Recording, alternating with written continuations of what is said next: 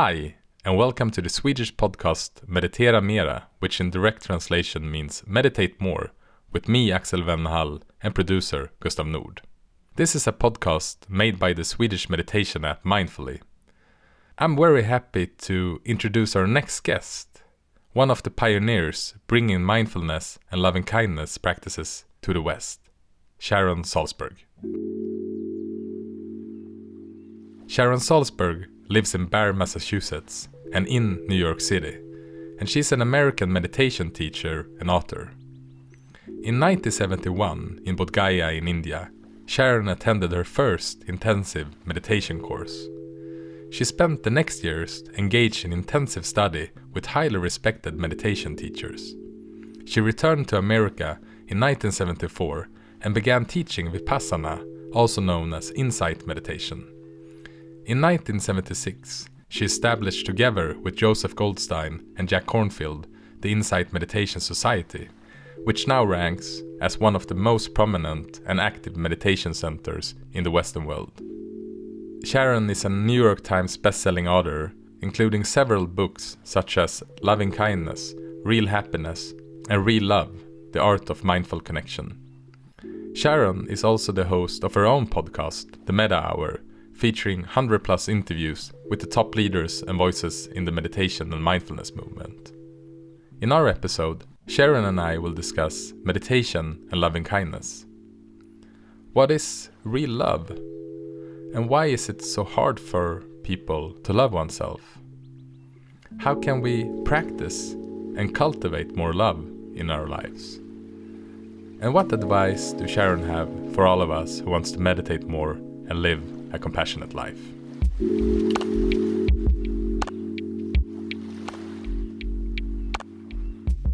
Thank you so much for uh, joining the podcast. You're very welcome. It's a pleasure meeting you, and I reckon you hear this pretty often. But um, you're one of um, all of those teachers I had the fortune to have that, but I never had the chance chance to meet and Yeah. uh, say thank you to. So, um, and I think um, when I first kind of found you in the in the spiritual world was I had a really good introduction to meditation, but still everything was new and. Um, I read a couple of books that didn't really resonate with me.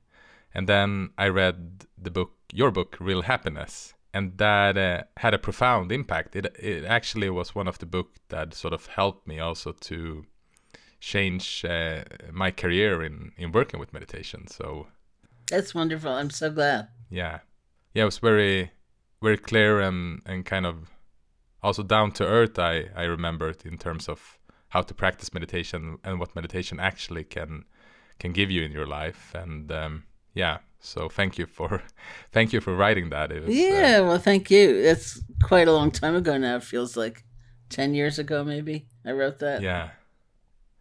And, and and are you up with a new book now? I have two books coming out next year. Yeah. Uh, one is coming out in April called Real Life, Hmm. and one is coming out in October of 2023. But the that's a different publisher, and they they don't like the title, so it's a book in search of a title.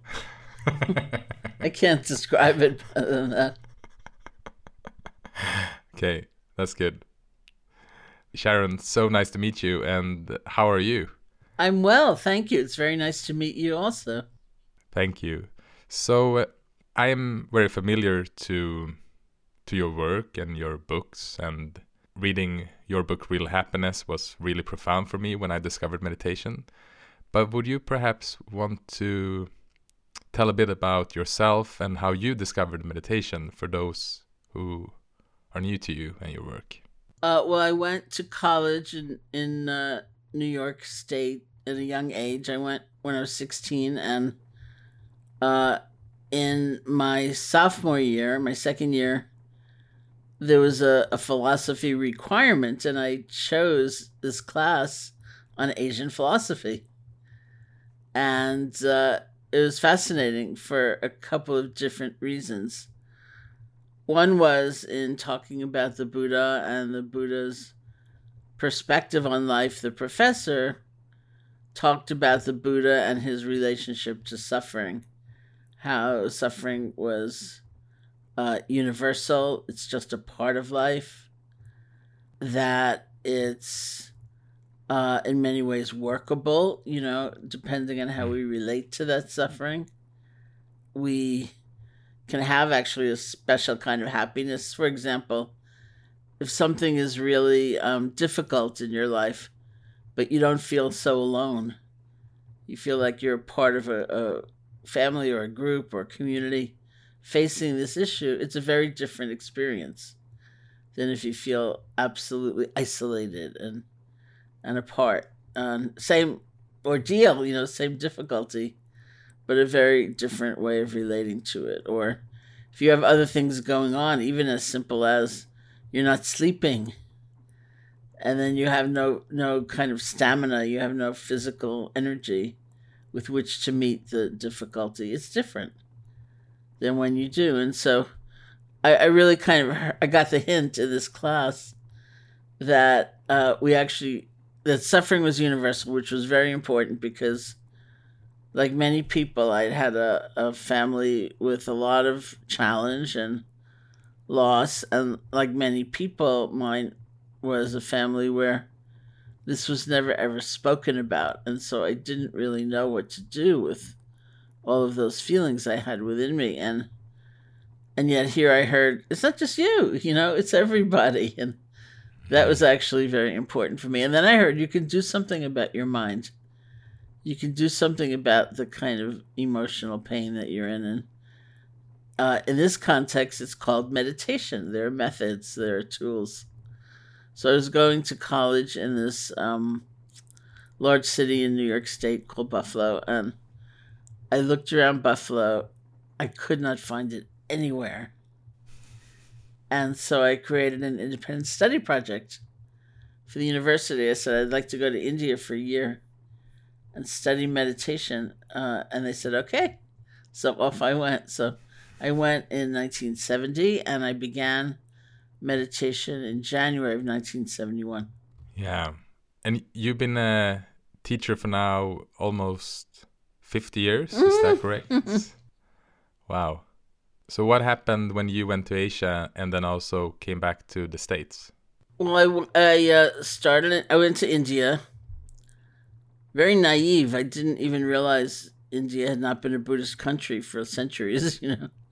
I got to India at around the same time as uh, S.N. Goenka was leaving Burma and beginning to teach. And his form um, was always 10 day intensive retreats, 10 day like immersion retreats.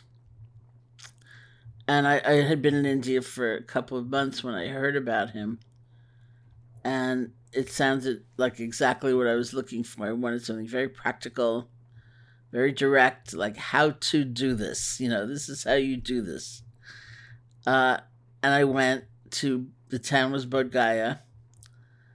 And it was it is the town that has grown up around the descendant of the tree it is said the buddha was sitting under when he became enlightened so it's a very uh, holy town and uh, was teaching a 10-day retreat the first night of the retreat so this is really like my foundation you know my early early understanding the first night uh, said the Buddha did not teach Buddhism, the Buddha taught a way of life. So this is open to anybody. You don't have to become a Buddhist. You don't have to reject anything else. This is about the power of awareness, which the Buddha displayed, and you actually have some too. you know, it may be mm-hmm. buried and hard to find, but it's there. And so that's what this experience is about. And because it was such an early message, it's become so uh, important for me in my own understanding and my own teaching. Um, so I, like many people, uh, stayed in India for more than a year, or, or, basically I stayed away from Buffalo more than a year, and uh, I did go back um, and did what I needed to do for the university uh, in order in the end to get like two years of independent study credit. And then I went back to India to continue practicing and studying. And in 1974, uh, I was coming back to the States for what I was convinced was a very brief visit before I went back to India for the rest of my life.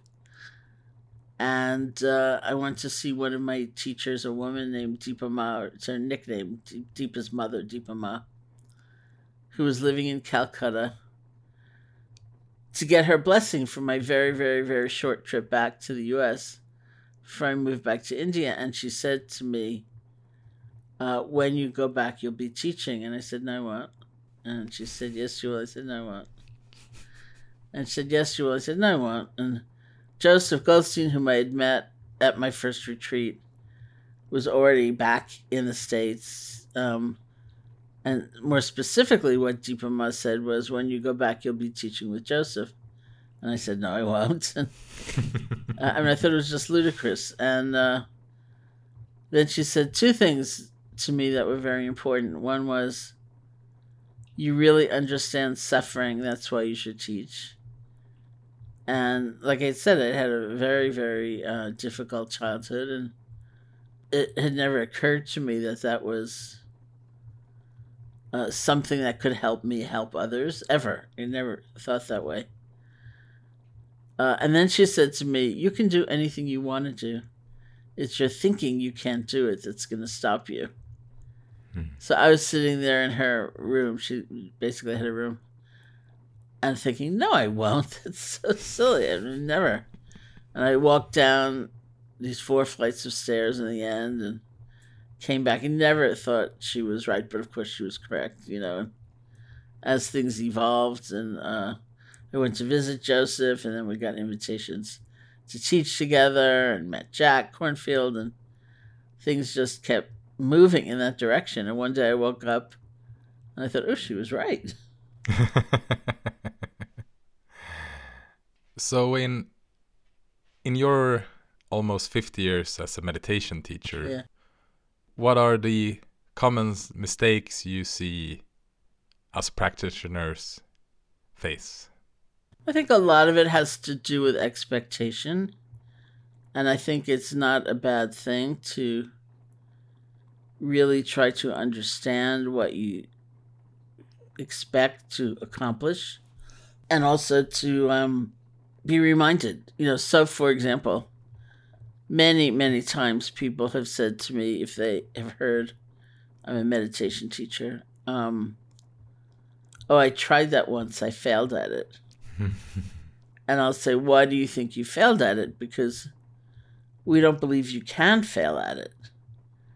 You know, you might have a surprising experience or challenging experience, but not a wrong experience and and usually people say i failed at it because i could not make my mind blank i couldn't wipe out all thoughts i couldn't keep anxiety from coming up i couldn't keep sleepiness from coming up but mostly around thoughts. And you know i think it just takes some understanding and some reminding that our goal is not to wipe out thinking you know or to have a, a frozen blank mind. Our goal is really to change our relationship to everything thoughts, emotions, sensations uh, so that we have a little more space, we have a little more balance, and we have a, a much greater kind of sense of empowerment, sense of agency. So, for example, we know we, we don't want to take every thought to heart and build a future around it, every self, you know, build a self image around it. Some thoughts, when we can see them quickly enough, we realize, oh, that is like a really old habit. You know, that is just a something I've been carrying around for so long. I don't need to. I can let that one go. You know, but we have to be aware of it before we can have that kind of choice and we can't be upset about it. We need a kind of balance because if you're if you're caught in a reaction, then that's what's going to be predominant. That's what's going to take over is the reaction, rather than saying, "Yeah, I don't need that," you know, like. So it's a training. It's a real skills training. Yeah, I remember reading one one phrase from you that sort of was very profound and, and and simple in one way, but really also in terms of the meditation shifted a lot in the beginning for me eh, from a more of a goal oriented meditation. And that was that the magical moment of meditation is when we realize we've been lost. Mm-hmm. just as you say we all get lost in thoughts and it's not really about never being lost in thought but how do you respond or how do you how what's your relationship to being lost? And can we instead of criticize ourselves for something that we don't really control over mm-hmm. instead mm-hmm. feeling kind of perhaps even gratitude and mm-hmm. kind of a, mm-hmm. a joy for for being aware again being present yeah exactly yeah no i think that's really true like i kept hearing um especially these days because the word is very popular that meditation is a kind of resilience training that you develop resilience hmm. through meditation and resilience is actually a difficult word to define but um, many many definitions would talk about bouncing back coming back you know there's disruption there's something um, broken apart or or shifting, even shifting radically and intensely, how do you come back? And you know, they talk about obviously resilience of natural systems. There's a forest fire. How does the forest fire affect the forest? Can the forest come back and be resilient, or is it now a wasteland? You know, hmm. and cities and systems and water systems and leadership and people and so resilience is a very popular word people always would talk about it in terms of meditation and I think why is that you know and then I realized we experience it in the tiniest of moments but it's powerful maybe you sit down in your meditation and you want to settle your attention on say the feeling of the in and out breath which was actually the first instruction I ever received sit down and feel your breath and as many people have heard me say, I, I thought that is so stupid. like, you know, why'd I come all the way to India for this? You know, this I want something more magical and esoteric and special. And then I thought, huh, how hard can this be? You know, what will it be like 800 breaths or 900 breaths? Before my mind starts to wander, and to my absolute shock, it was like one breath. Then I'd be gone. And so that is the common condition. You know, so how are we when we realize, oh, it's been quite some time since I last felt a breath? Or I've been, you know, making a vacation plan, intricate, detailed. I'm not going on vacation. You know, whatever it is. And if we dive right into a lot of judgment, then we are prolonging the period of the distraction and we also get so exhausted that we can't bounce back. We can't start over so well. But learning how to let go, learning how to begin again right there is the point. And it's like a life skill we bring right into our everyday. Hmm. You know, so it seems yeah. like a nothing in, in instruction. It's so kind of small, you know, in a way, but but it's very powerful.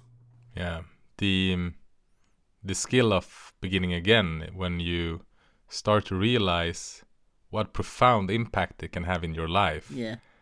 And also seeing the correlation between actually practicing it in meditation and then seeing it in your daily life. So I reckon everyone listening to this knows the feeling of like waking up on the wrong side yeah. on the bed. Yeah. You start you start you have a bad you have a bad day. Yeah. But the interesting thing is when you start practicing it, like, okay, well, and perhaps it's even better to ask it as a question Can I begin again now? Yeah. Can I let go?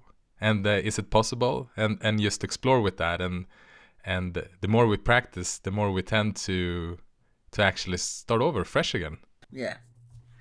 Yeah, no, definitely. And and it's a little bit startling sometimes to realize how many times a day we actually do begin again. You know, maybe we have um, a set solution in our minds to some work problem and something happens, we hear some other information or something happens, so we realize, oh, maybe I need a, a correction. you know, I'm going in the wrong direction. Like, let me move over here. Or, or we really like, we just feel incapable and uh, we kind of fall down in a way and we have to either pick ourselves up or let others help us up and we start over again and again and again and again and again and again. So I I've heard that you had a a conversation with the Dalai Lama about self-hatred. I did. and people in the West having a hard time to actually love oneself. Could you just please share that dialogue and and the reason why do you think people have such a problem loving oneself? Well, it's a very interesting question. They um this was uh,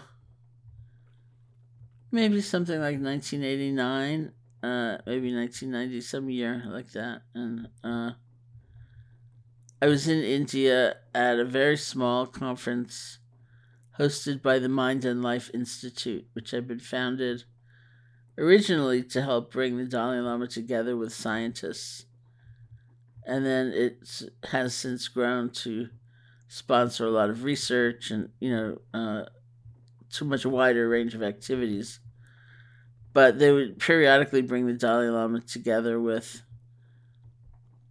uh, psychologists or scientists or you know people around a certain topic that he was interested in in having a dialogue with. So um, this one was about emotion. This particular conference was about emotion, for which there is no word in Tibetan, by the way. Mm-hmm. Um, so that was interesting. And uh, I had the opportunity to ask the Dalai Lama questions. So I said, Your Holiness, what do you think about self hatred? And he said, What's that? so that was really interesting. And, and there were a bunch of psychologists in the room, and everyone was jumping up and down. And he was just like, I don't quite get it. And and that's not to say it is a perfect culture uh, or that you know not to sort of deify tibetan culture or asian culture because it is far from perfect but i think if you were trying to assess like what is the fundamental thing you will find within yourself underneath your personality underneath those habits what is like rock bottom at the core? Somebody, say somebody from Tibet, would say Buddha nature, like a hmm. potential, mm-hmm. a capacity to grow, to understand, to have clarity, to have peace, to have love in your life, not fully formed, but as a potential, like a seed. And it's because of that potential that they believe in, say, the practice of meditation because we can actually. It's not just doing some stupid activity, you know, that is going to get you nowhere, but because we have that capacity inside of ourselves. Uh, whereas in the West, I don't think we would say that, you know, I don't know what we would say, but it wouldn't be this sense of a positive potential hmm. that we would consider so fundamental. So that's the level on which I think that is all happening. And, uh, the Dalai Lama came here to uh, speaking to you from my house, which is next door to the Insight Meditation Society in Barre, Massachusetts, the center I co-founded, and uh, the Dalai Lama came for a visit here in 1979. It was his first trip to North America, and uh, we were very young and very naive, and we heard he was coming uh, nearby to Amherst, Massachusetts, to teach uh, a series of lectures. And so we sent off a letter to the private office and said, maybe he'd like to visit us too. And then we got a letter back saying, yeah, he would. So, so he came to visit. And uh, it was crazy, you know. But amongst the events of that day, we we had a retreat that was happening, and um, so we invited the Dalai Lama to come into the meditation hall and give a talk, which he did, and then he asked for questions. So this young man raised his hand. He'd been meditating for about two weeks at that point. And he said to the Dalai Lama, I've decided I can't I can't do it. Like this is not gonna work for me. Maybe it's worked for people for thousands of years, but it's not gonna work for me. Because I don't have any ability to love, to have understanding. I just don't have it.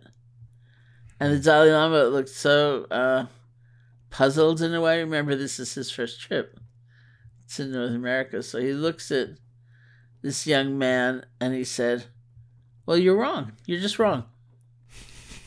Which is very funny because a number of people came up to me later and said, Oh, the Dalai Lama should not have said that. That's it's not skillful to tell, tell somebody, Well, you're wrong, you know? But what was it even more interesting was that for the young man, it was the perfect thing to say. It was like it cut through a lot of layers, you know, confusion and so on and self hatred, and like, oh, I guess I'm wrong, you know. And, and so it was actually very useful for him, which is the whole point.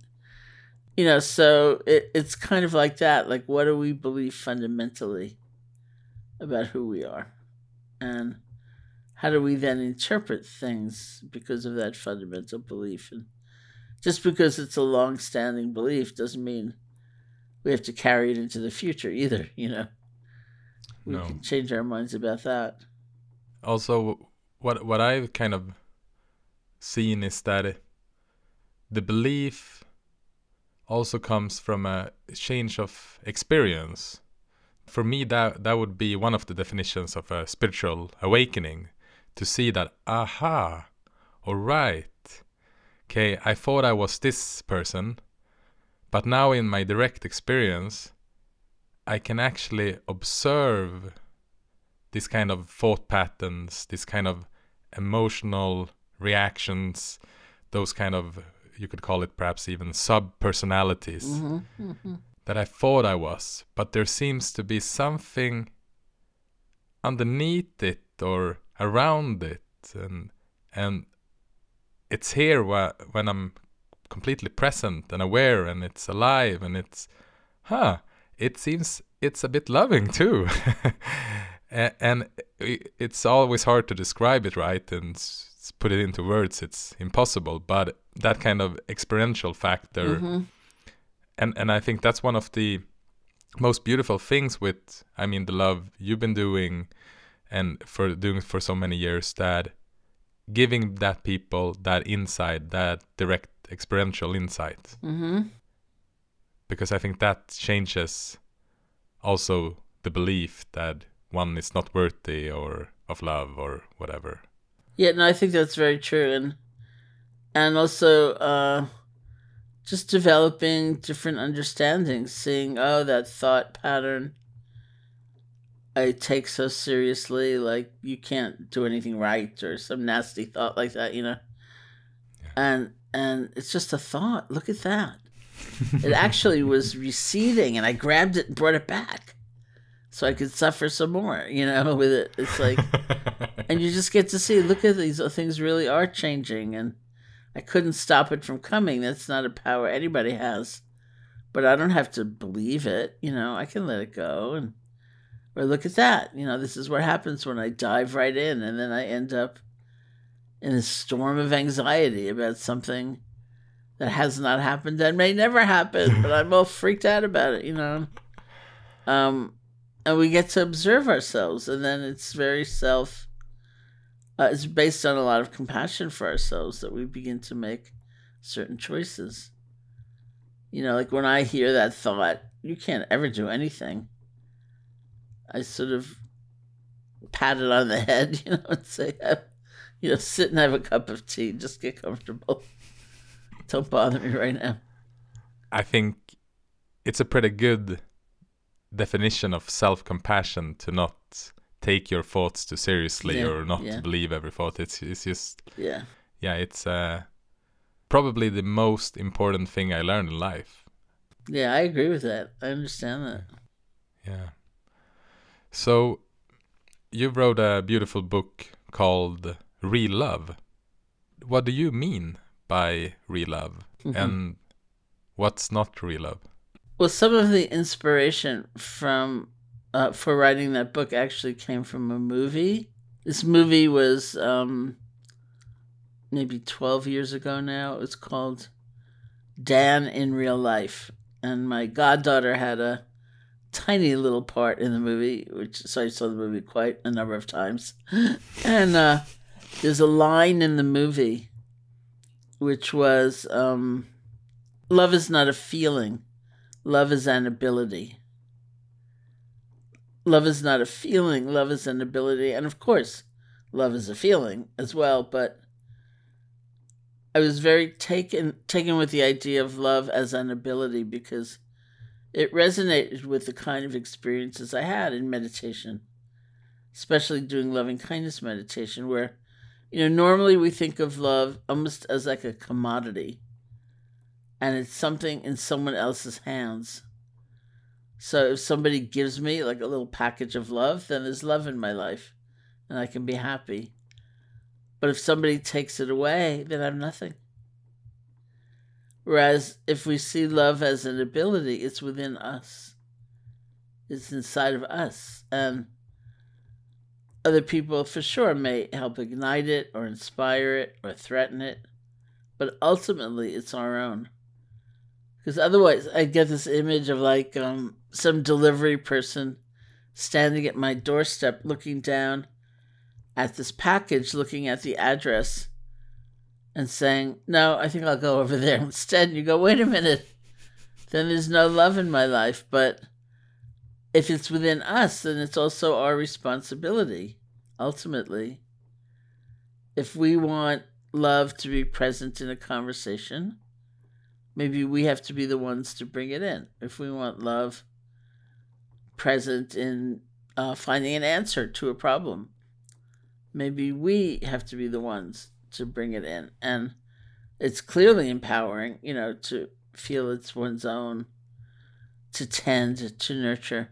So that was the basis of writing the book. Was that one line? So where do you see people kind of um, confuse love or sort of misunderstand the word love and especially perhaps real love?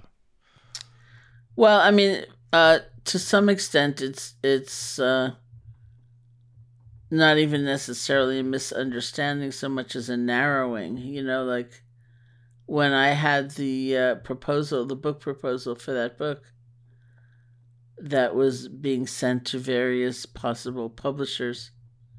Somebody from some publishing house said, um, "The love market is saturated. We don't need another book on love." And I realized what they meant by that was that the romance market was saturated. How to find a relationship, how to keep a relationship, how to end a relationship. It was all about kind of romantic uh, entanglement. And that's not generally speaking what we mean when we say love in a spiritual context, more a kind of uh, deep understanding of how interconnected our lives are.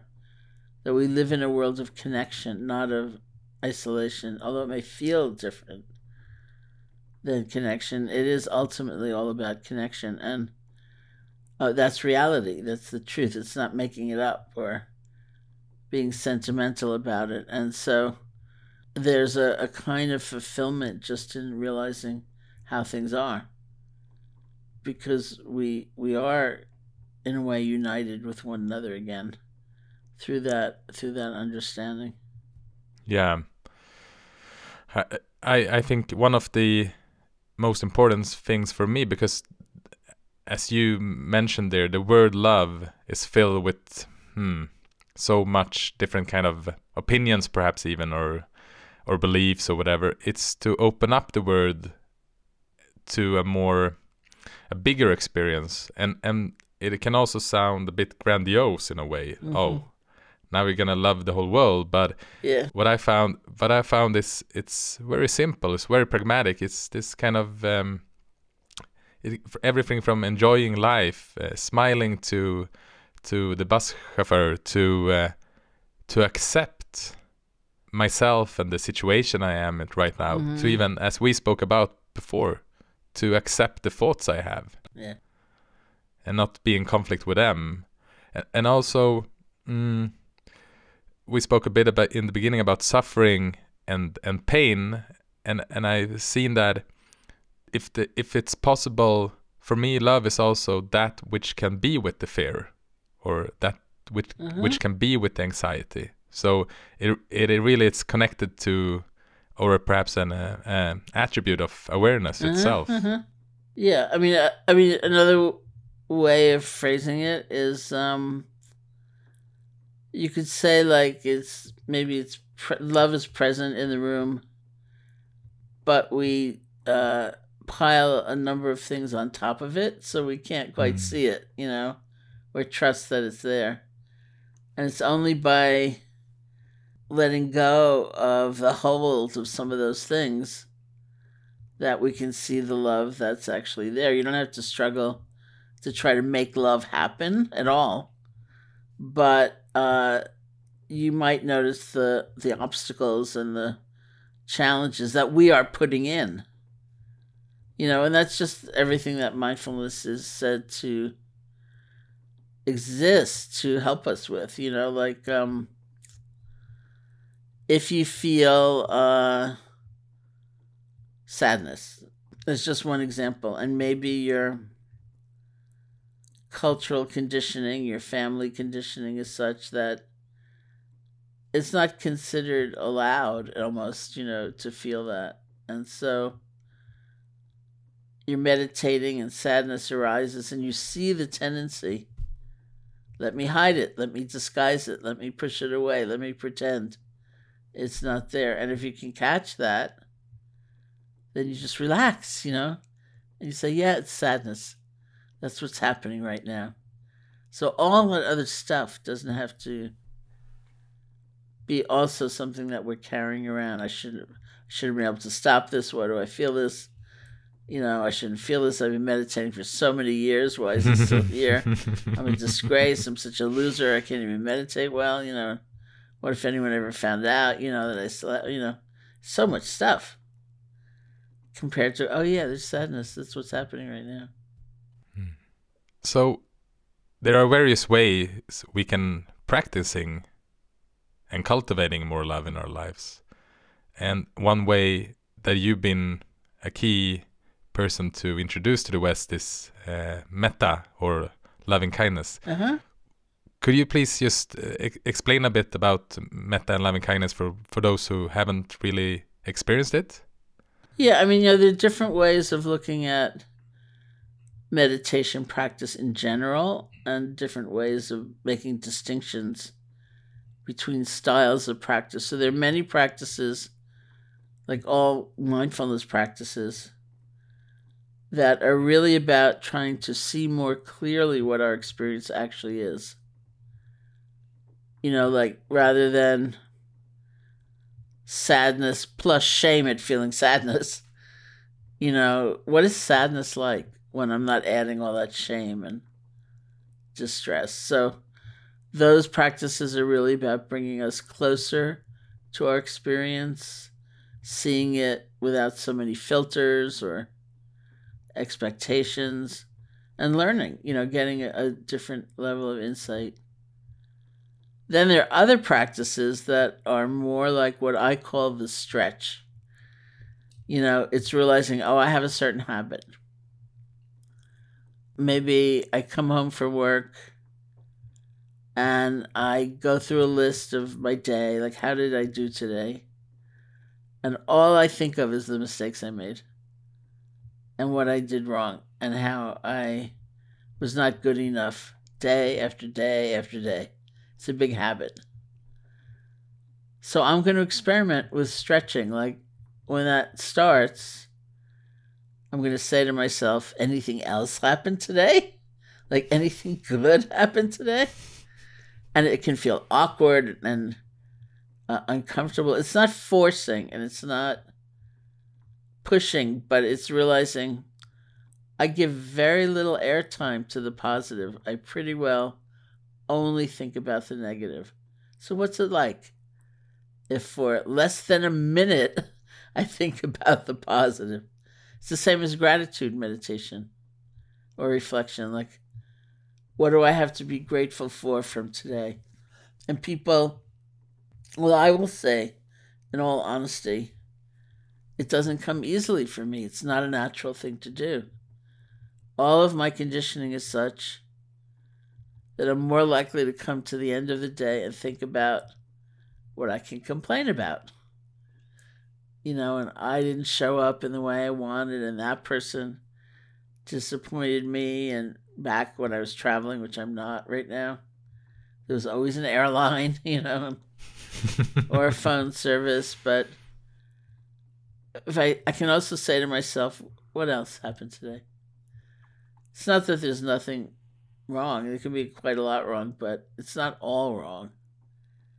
You know, if I'm breathing, I have something to be grateful for. And, uh,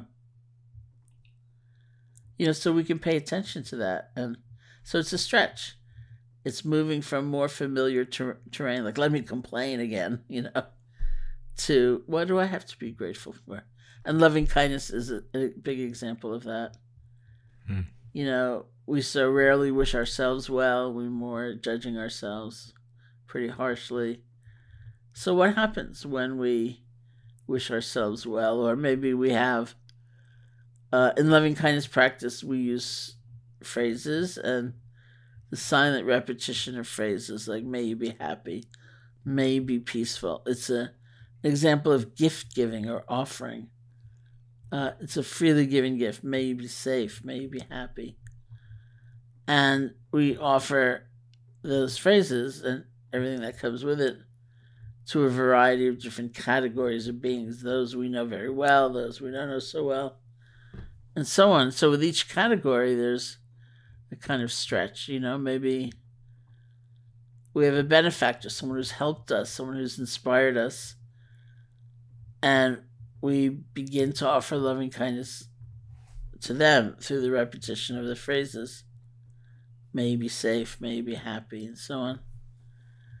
And then we realize, boy, I take that kind of person for granted, don't I? You know, I don't mm-hmm. really often stop and think, oh, how many people have helped me just today? It's a lot.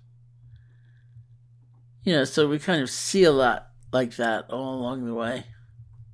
Yeah, you mentioned the word reminding oneself, and I've seen that also in the metta practices that if I think about my best friend and I think about that I or I send him phrases to just have a life filled with peace and love or enjoyment and then kind of just realize well yeah of course I want it's, I'm just reminding myself yeah, of yeah. something that I'm usually not thinking about or pondering about and yeah. and and that you and that feeling just connects you to to uh, and and a self experience of just well being.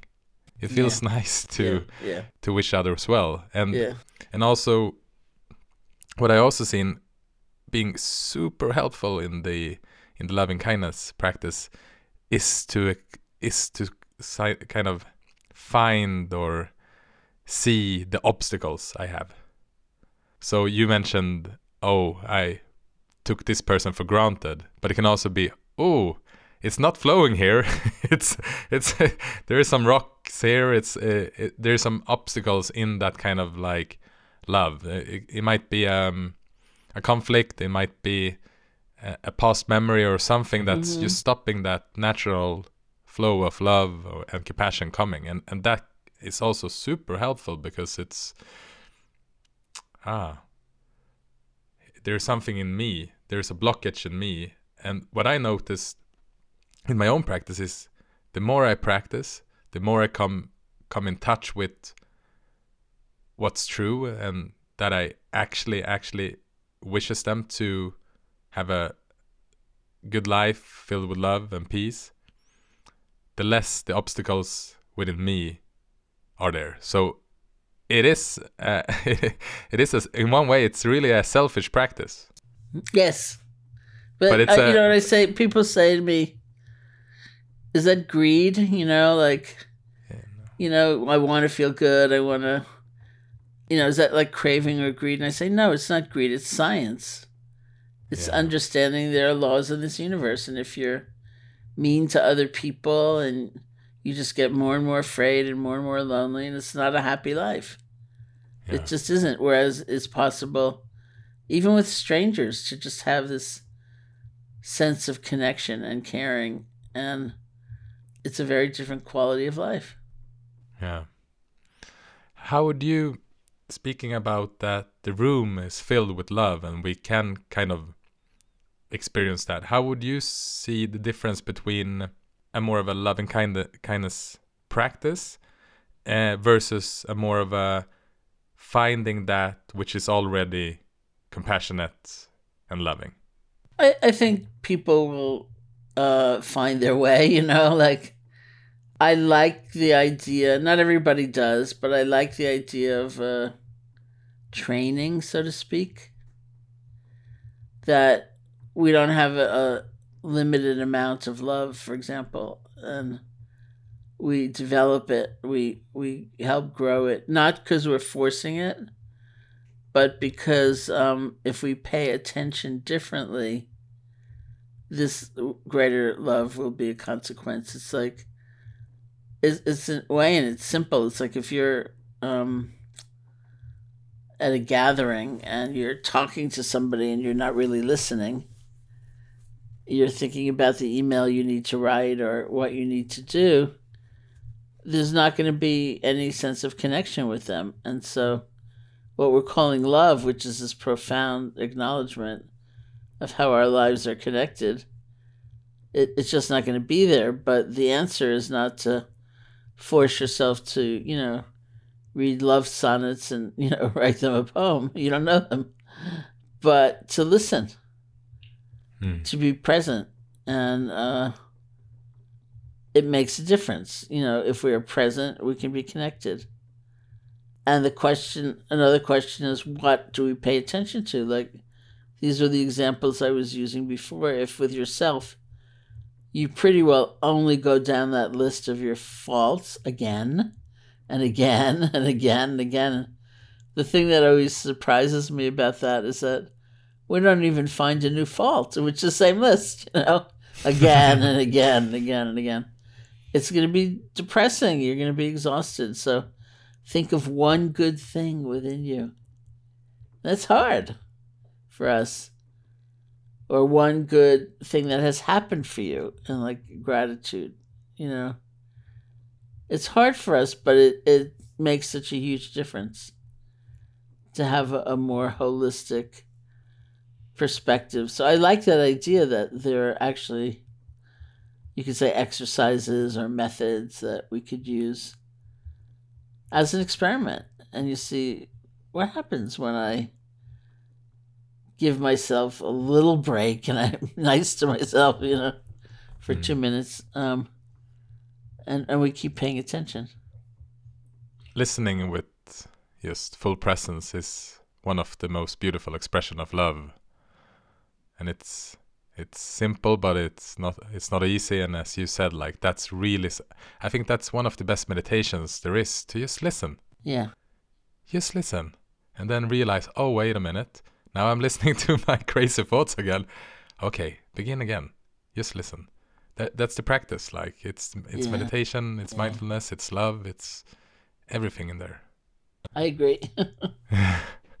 So, in the metta practice, there's al- also uh, usually the wish for someone that you have a negative emotions to, perhaps someone that you've been in conflict with, in in um, in the way Mhm. that I don't know if it's a goal or whatever you want to call it, but in the end, the intention to wish every sentient beings peace and love and happiness. So, so right now in in Europe, where I live, uh, a war is going on in Ukraine, Mhm.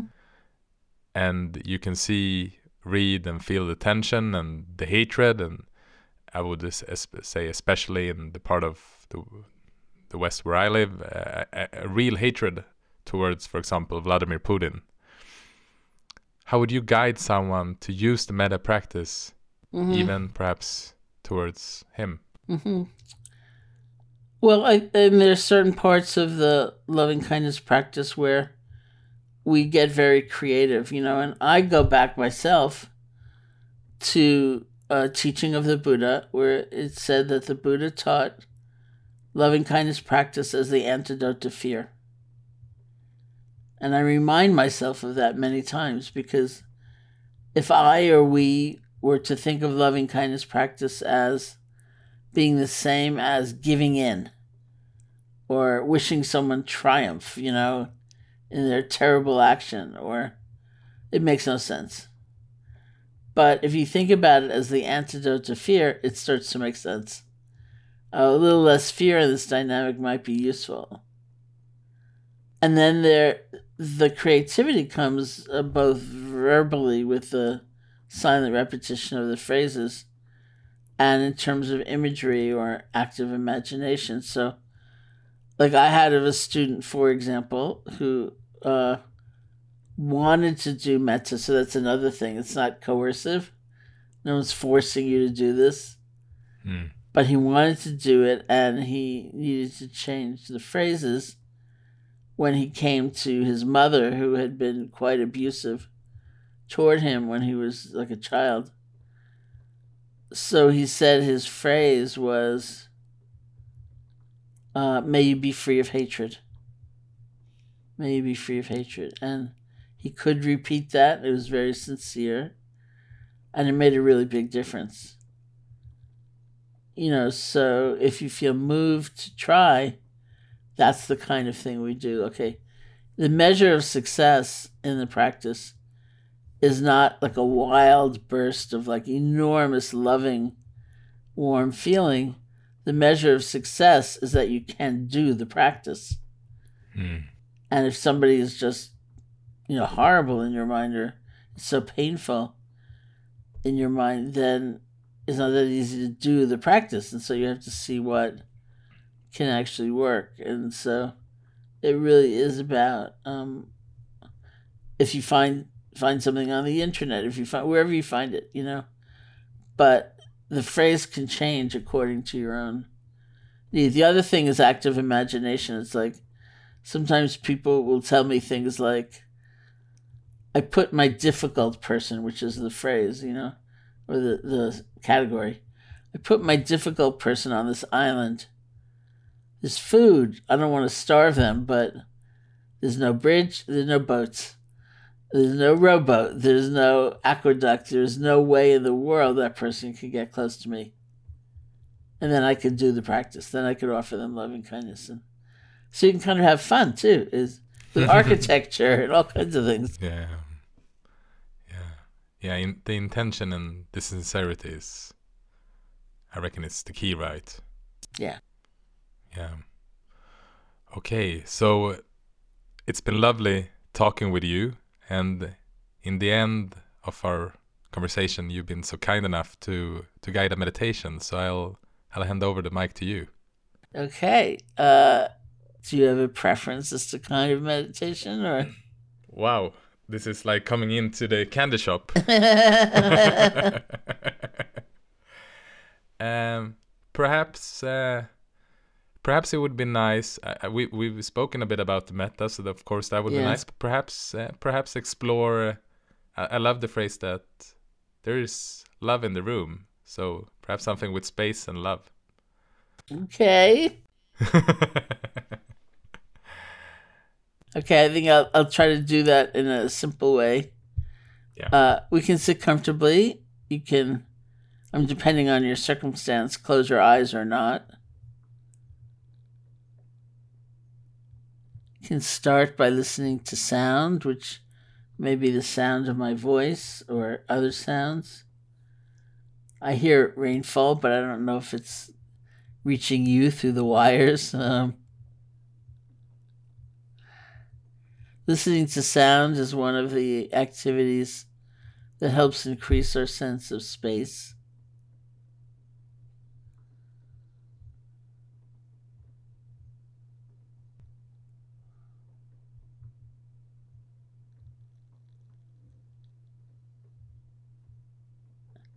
And feel your posture, feel your body sitting. See if you can feel the earth supporting you.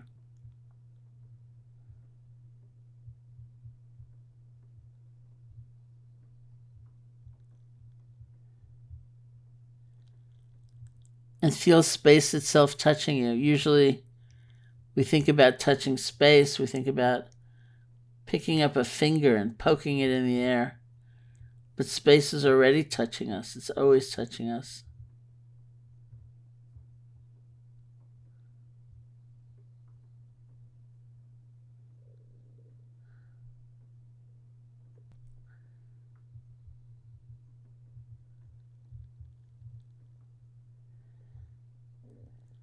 Bring your attention to the feeling of your breath, just the normal, natural breath, wherever you feel it most distinctly. At the nostrils, at the chest, or at the abdomen. You can find that spot, bring your attention there, just rest.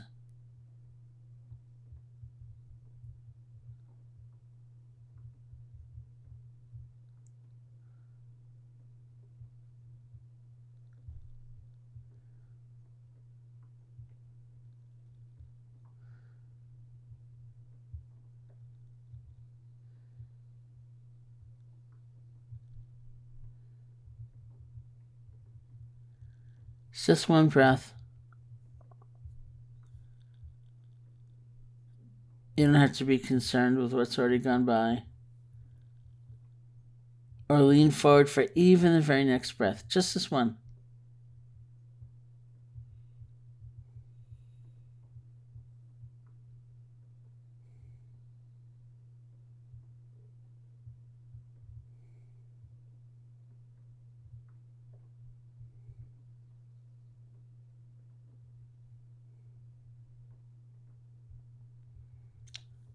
And for those times that your mind slips away, you get lost in thought, spun out in a fantasy, or you fall asleep, notice how you speak to yourself.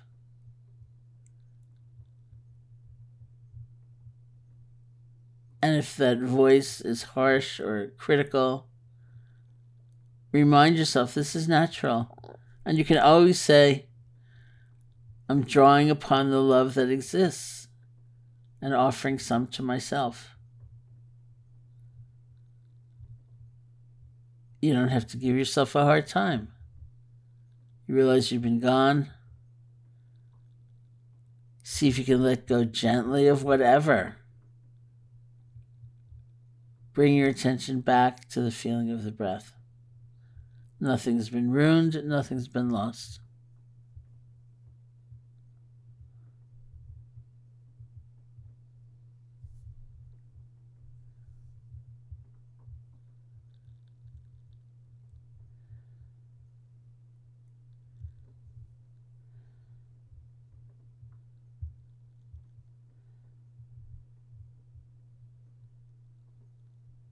And when you feel ready, you can open your eyes or lift your gaze, and we'll end the meditation.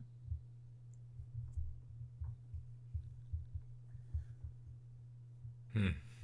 Thank you. Thank you.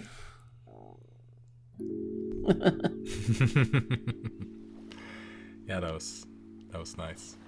Good reminder of of the love that's yeah that's here. Okay, Sharon, thank you so much for uh, for joining our podcast. It's it's been a pleasure. Thank you very much. Thank you for inviting me. Okay, take care. Bye bye. Bye bye. Thank you for listening to this episode of the Swedish podcast Meditera Mera with Sharon Salzberg. We hope you have been inspired by our conversation and by Sharon's meditation. This is a podcast from the Swedish meditation app Mindfully, and our purpose is to help people live an awakened and compassionate life. And if you enjoyed this episode, please share it to your friends so we can inspire even more people to discover meditation and get in touch with their own loving kindness. And if there's something we will bring with us from our conversation with Sharon, is it that the room is always filled with love? The question is, can we see through the obstacles? Take care and be well.